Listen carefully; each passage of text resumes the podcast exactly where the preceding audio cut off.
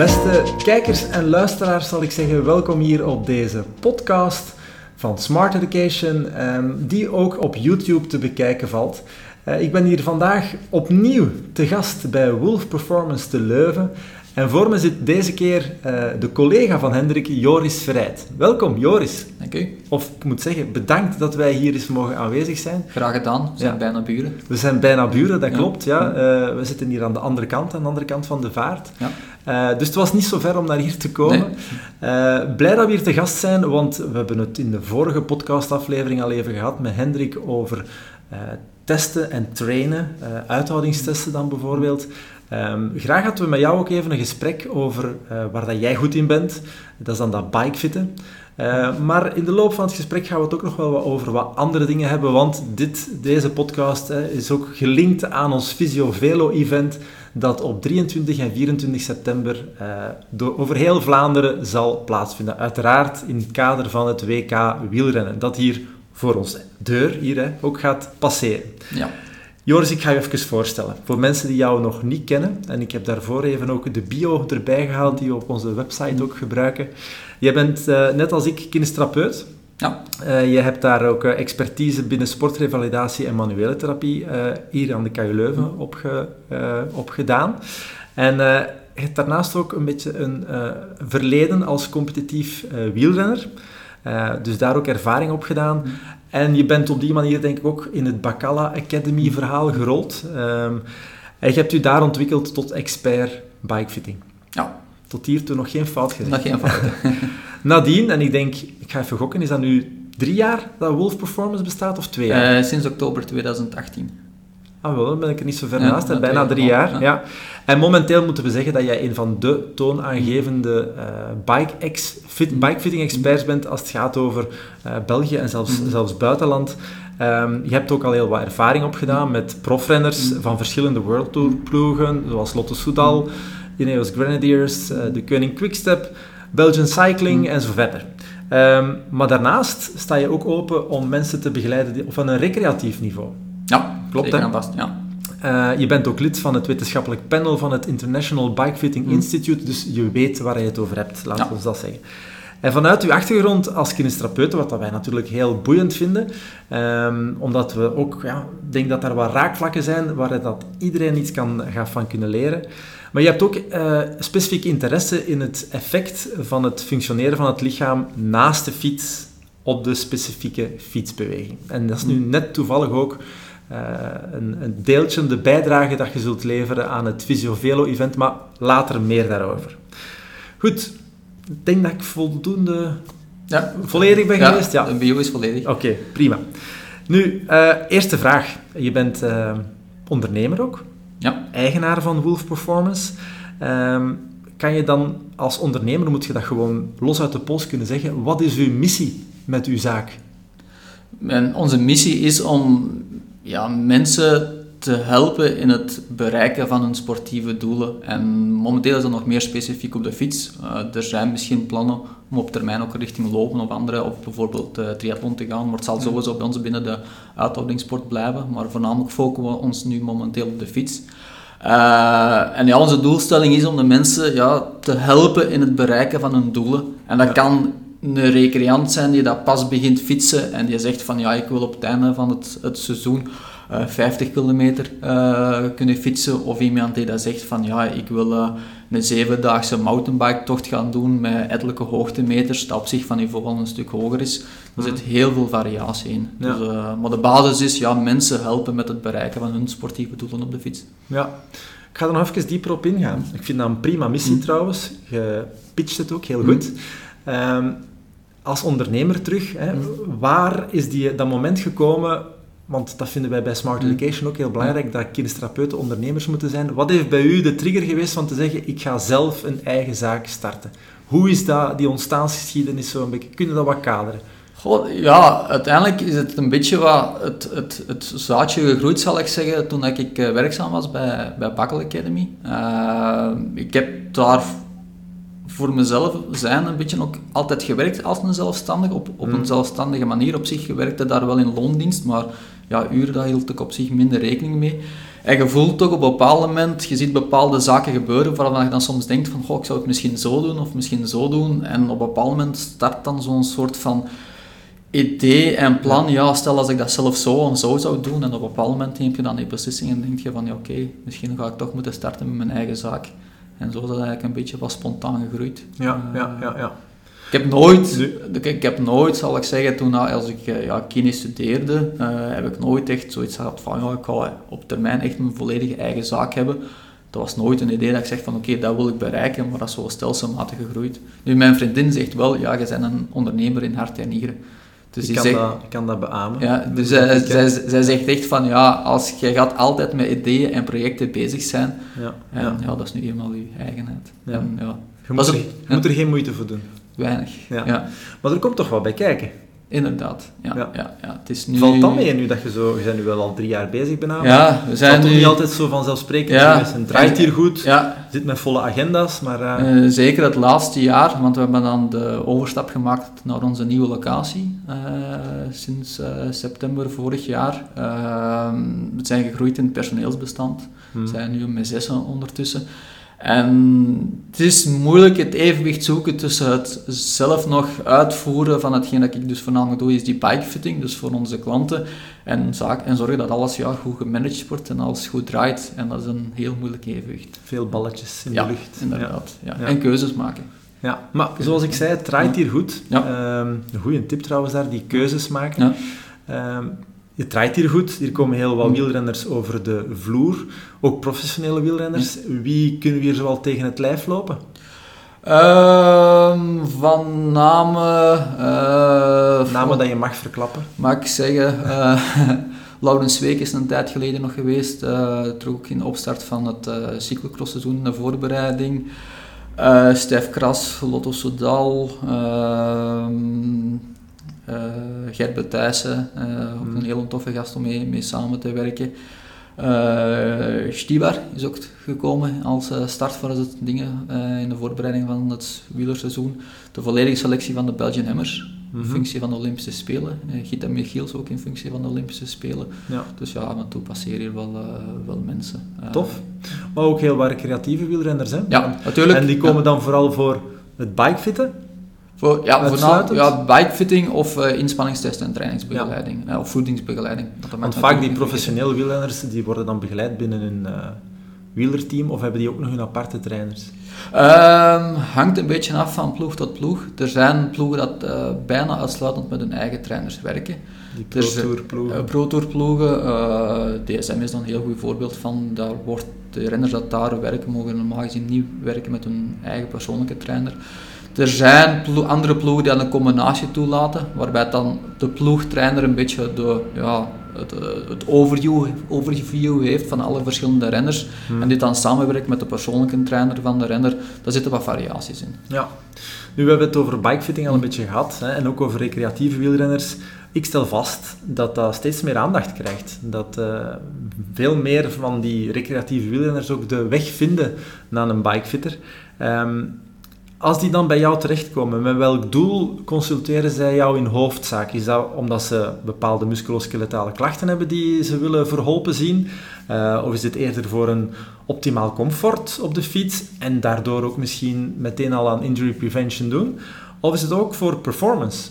Het hoofddoel is wel duidelijk klachten. Uh, laten we zeggen, denk ik, een 90% van de mensen die komen hebben een klacht dat kan, uh, Wat is dan de vaakst voorkomende regio? Vaak voorkomendste regio, uh, nekklachten, rugklachten, zadelklachten. Ja. Uh, ik denk daar zijn dan de belangrijkste knieklachten, ook in functie van afstelling van schoenplaatjes. Maar klachten is toch wel duidelijk het primaire, de primaire reden waarom dat mensen hier komen of langskomen voor een bikefit. Ja, ja.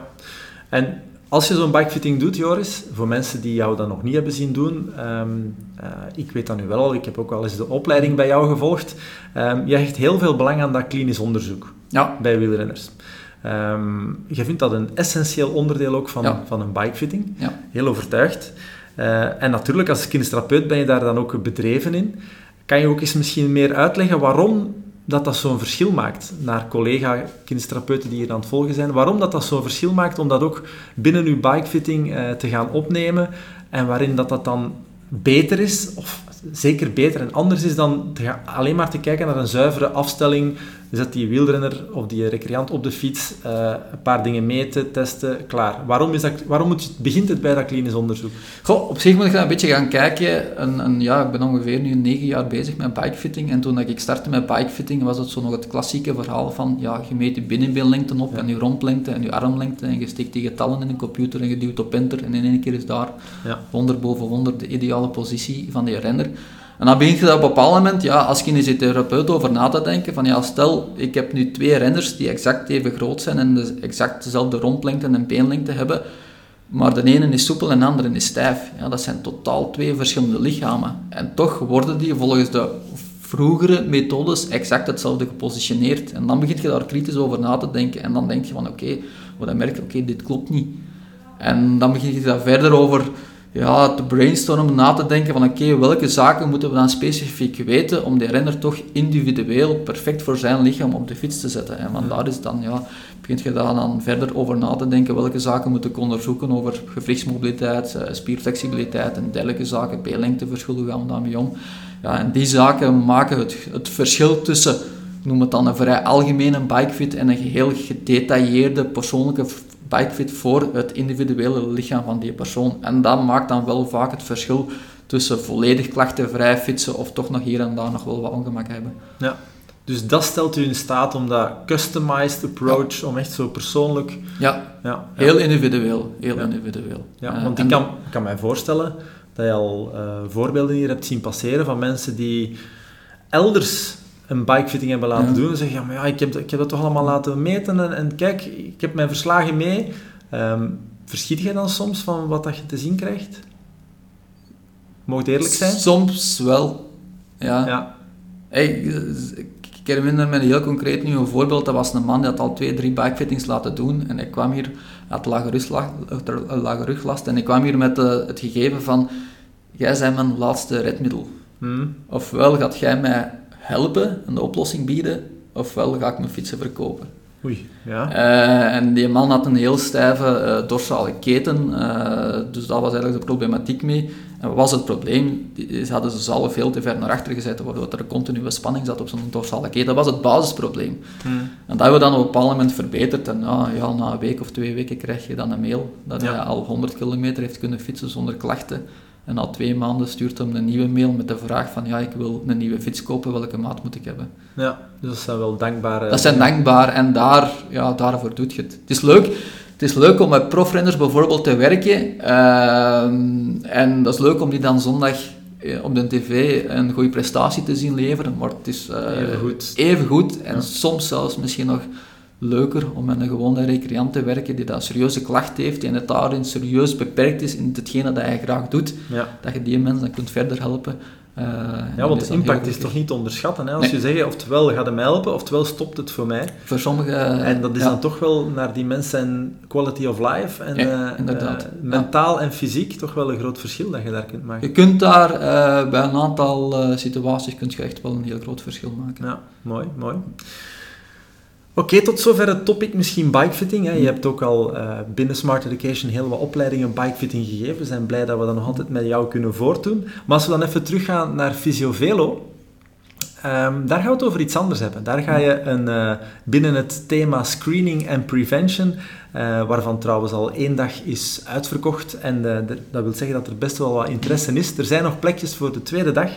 Uh, ik weet niet of dat het een donderdag was, een tweede dag, 23 september, of vrijdag 24 september. Anyway, denk, uh, denk vrijdag dat volgens mij vrijdag begonnen zijn. Vol ja, vrijdag ja. ja. ja. Dus op donderdag kunnen ze jou daar uh, tegen het lijf lopen. Jij gaat daar een bijdrage leveren onder de titel Off-Bike Training. Mm. Niet meer op de fiets, mm. maar ernaast. En dan hebben we het ja, over wat dat ook heel vaak nu zien gebeuren. Het opbouwen van kracht. Um, en krachtuithouding ook met bepaalde oefeningen, krachtoefeningen. En jij, hebt daar, jij stelt u toch de vraag, wat is de directe invloed daarvan op de on-bike beweging? En ik ben er zeker van dat je daar bepaalde kritische uh, beschouwingen over hebt. Je moet het misschien niet helemaal in het detail hier komen uitleggen, maar um, moeten we bang zijn dat je daar tegen iedereen gaat zeggen, je doet het allemaal verkeerd? Uh, ik denk dat dat soms beter kan. Ja? Verklaar u nader. Uh, goh, de, de, de reden uh, waarom dat ik die, dat idee heb, uh, is omdat ik werk al met verschillende renners al, al jaren. Een enkele profrenners zie ik hier al van sinds dat, ik, ja, dat ze nieuweling zijn en dan als junior en dan op een bepaald moment beloften en nu zijn ze ondertussen prof. En je ziet er bij die renners bepaalde bewegingspatronen inkomen op de fiets, op bepaalde bewegingen, telkens die terugkomen, telkens als die renner komt met een nieuwe fiets van een andere, want hij verandert van ploeg, ander merk, ander zadel, en toch zie je continu hetzelfde bewegingspatroon terugkomen. Mhm. En ik weet dat die renners bij heel goed uh, kinesiotherapeuten uh, onder handen worden genomen voor een core stability of voor een krachttraining. Mhm. En toch zie je telkens dat bewegingspatroon jaar na jaar terugkomen. En dan stel ik mij soms de vraag van wat er gebeurt naast de fiets, gebeurt dat 100% op de juiste manier? Mhm. Eh, en is het, is het fietsspecifiek? Mm En daar stel ik mij soms de vraag dat er nog iets te veel binnen, die, binnen het optrainen van het lichaam naast de fiets voor een wielrenner te vaak geleund wordt op hetgeen wat we ja, heel klassiek doen voor bijvoorbeeld een loper of ja, iemand die dat een, een, ja, die dat een belaste sport doet. Maar fietsen is een, is een andere, andere manier van beweging, een andere spierwerking. Hmm. En, ook denk, de repetitieve dat erin zit? En het repetitieve, en ik denk dat we daar nog kunnen in verbeteren. Ja. En ik, ben ervan overtuigd dat we daar nog kunnen in verbeteren, ik zal het zo zeggen. En zal je daar een, iets over vertellen tijdens die bijdrage? Of, want nu hou je het precies nog een beetje in. Ja, uh, het is natuurlijk 100%, uh, 100 het doel om daar iets over te vertellen. Uh, het is eh, volledig je eigen visie daarin. Ja, ja, ook als je dit... Ik ga het uh, zoveel als mogelijk proberen te ondersteunen met wetenschappelijke zaken, maar er is momenteel nog heel weinig ja, echt wetenschappelijk onderbouwd. Ja. Laten we zeggen dat het ergens... Evidence-based practice gaat Ja, en een, een hopelijk een eye-opener voor ja. Ja. En, Daar kijken we naar uit. Ben benieuwd. Ben benieuwd. Trouwens, je zal daar uh, die dag uh, niet alleen presenteren. Um, we gaan uh, ook Bart Govaert, ook een vriend van ja, u trouwens, die is dan ook te gast. En Maarten Thijssen zal, zal daar ook aanwezig zijn.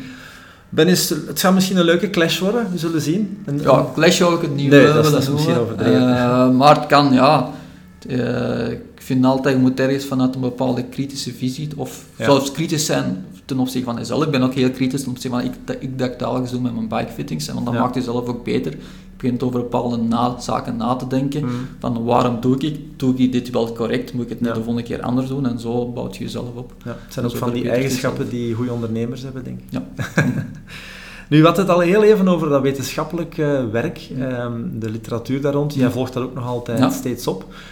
Um, kan je zoiets met ons delen dat je zegt van kijk, dat zijn nu recente evoluties binnen science en cycling um, die opvallend zijn of waar je nog wel wat dingen van verwacht? En nu kijk ik heel ruim, hè? Um, op zich, als we heel ruim gaan kijken, is de vernieuwing van de laatste, laten we zeggen, laatste twee jaar relatief beperkt binnen de mhm. wetenschap. Um, de grootste vernieuwing algemeen, laten we zeggen, is een, is een, ja, een vijf à tien jaar geleden gekomen met de switch van het, het algemeen bikefitten positioneren op basis van lichaamssegmenten naar het individuele lichaam, waarin dat er ook meer en meer nu wel wat wetenschappelijke evidentie wat begint te komen. Maar op zich, de laatste twee jaar is er ook weinig vernieuwing binnen het ja, wetenschappelijke gegeven in functie van bikefitting. Hoe dat ik het zelf wel zie evolueren, uh, toekomstgericht, is dat het belang van het individueel functioneren van het lichaam meer en meer gaat toenemen. Ja. Maar je had het nu vooral over bikefitting. Ja. Uh, maar als we dan wat breder kijken, uh, zijn er daar nog vernieuwingen? Hè? Dan kan het gaan over uh, aerodynamica, voeding, dat soort dingen. Um, trainingsmethodieken heel grote, essentiële veranderingen vind ik niet echt duidelijk. Laten we zeggen. We hebben zo'n aantal hypes ook gehad, hè? Ja. Uh, de ketonen en dat soort dingen. Ja, het, zijn allemaal zo wat hypes die dan op een bepaald moment wel wat iets meer terug wat op de achtergrond komen. Gaat spreken over trainingsmethodiek, zijn er vaak wel verschillende trainingsmethodes uh, ja, die dat wel worden aangehaald, maar heel vaak komen die terug op dezelfde noemer, zijn de variatie.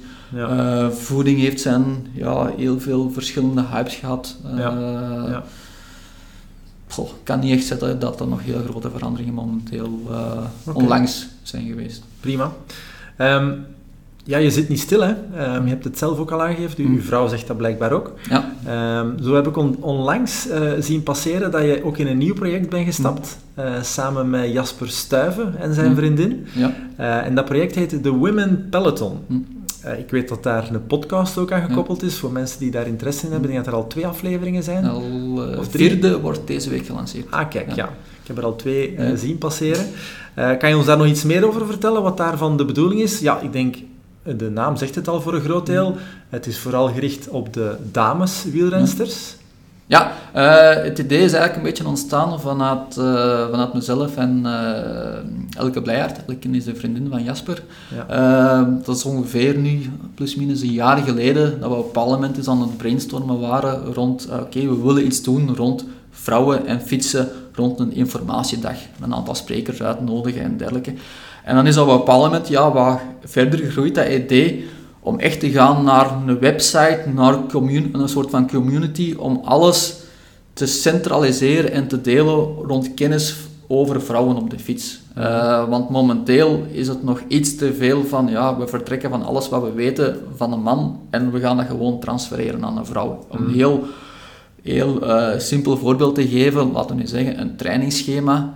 Ja, we weten een man die is wat sterker en die kan soms ook wel wat langer fietsen. Bij een man gaan we dan een training geven van 5 uur en een vrouw gaan we dezelfde training, iets lagere intensiteit van 3 uur en half.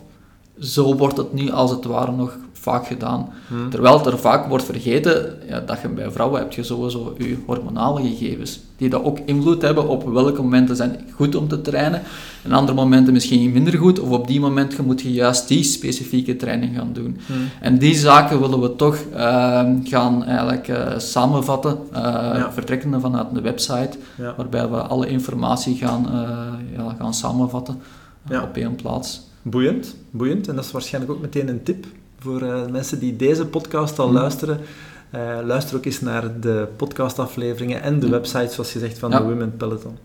Nu, jijzelf, hoe zit dat met jou? Want eh, vroeger competitiewielrenner geweest. Ik, ik volg je ook op Strava. Ik zie af en toe nog wel wat langere ritten.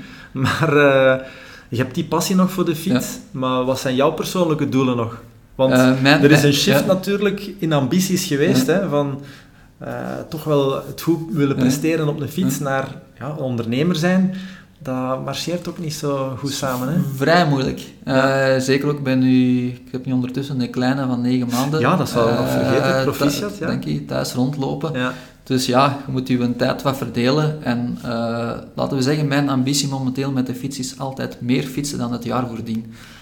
Dus eh, verder heb ik geen specifieke sportieve doelstellingen, omdat ja. tijdsgewijs is het een vrij moeilijk. eh, ja. En fiets je dan altijd alleen? Of is dat ook in groep? Eh, ik ben, ben aangesloten bij een club hier in het Leuvense, de Vlierbeek Riders. Maar ik fiets momenteel vaak alleen. Waarom? Gewoon omdat het voor mij vrij moeilijk is om een tijdstip af te spreken. ja. Ja. Het is soms Planning. ja, last minute nog, oké, ik heb nu even wat tijd en ik ga fietsen. En het is niet altijd even makkelijk om een exact tijdstip eh, ja, af te spreken. Dus Mhm. vandaar. Mhm. Maar ik hoop daar verbetering in te brengen. Ja, ja, ja, ja. Ja, misschien met het WK in het vooruitzicht dat hier ook aan de deur passeert. Ja. Je kan dat misschien al een, eh, een teaser zijn Mm. om, eh, om nog wat meer de fiets op te kruipen. Mm. En over het WK gesproken, eh pronostiekje. We hebben dat aan Hendrik ook gevraagd. We gaan dat aan al onze Mm. gasten eh, die, die we voor de camera en Mm. voor de microfoon halen voor Visiovelo eens even vragen. En dan zullen we zien wie dat met de prijs naar huis Mm. gaat. Maar de vraag is natuurlijk, wie wordt er wereldkampioen?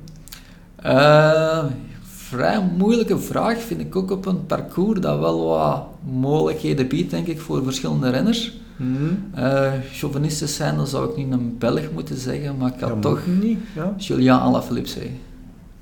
Een verlenging van zijn wereldtitel? Ja, ja. niet makkelijk.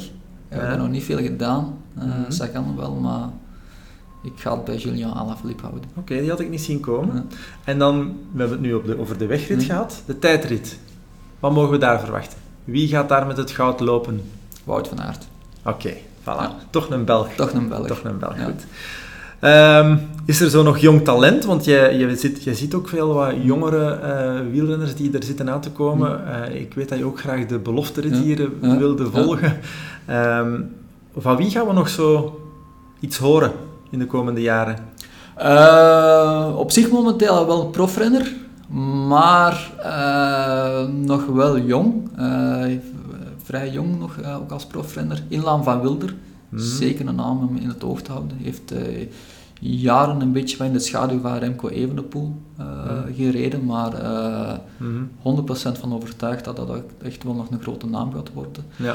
En iemand, nog, nog een jongere, momenteel junior, uh, sorry, nee, belofte, iemand dat we ook nog in het oog gaan moeten houden, zeker op basis van zijn klimtalent, Toon Kleinhens. Maar dat is een naam...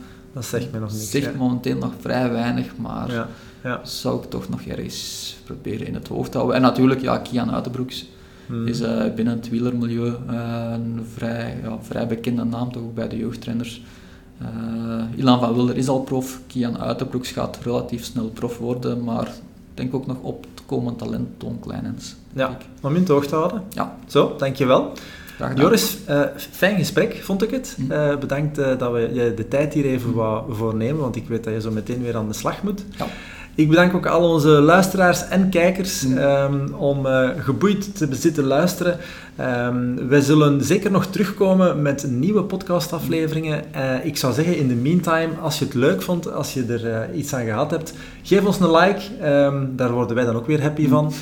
volg zeker onze podcast, abonneer je, evenals op ons YouTube-kanaal. Heel regelmatig zullen we daar de komende weken en maanden terugkomen met nog wat meer behind the scenes, zal ik zeggen, en wat kennis maken met collega, kinestherapeuten, sprekers van Fysiovelo, zoals Joris. Joris, bedankt. Graag gedaan. En tot de volgende. Tot de volgende. Dankjewel.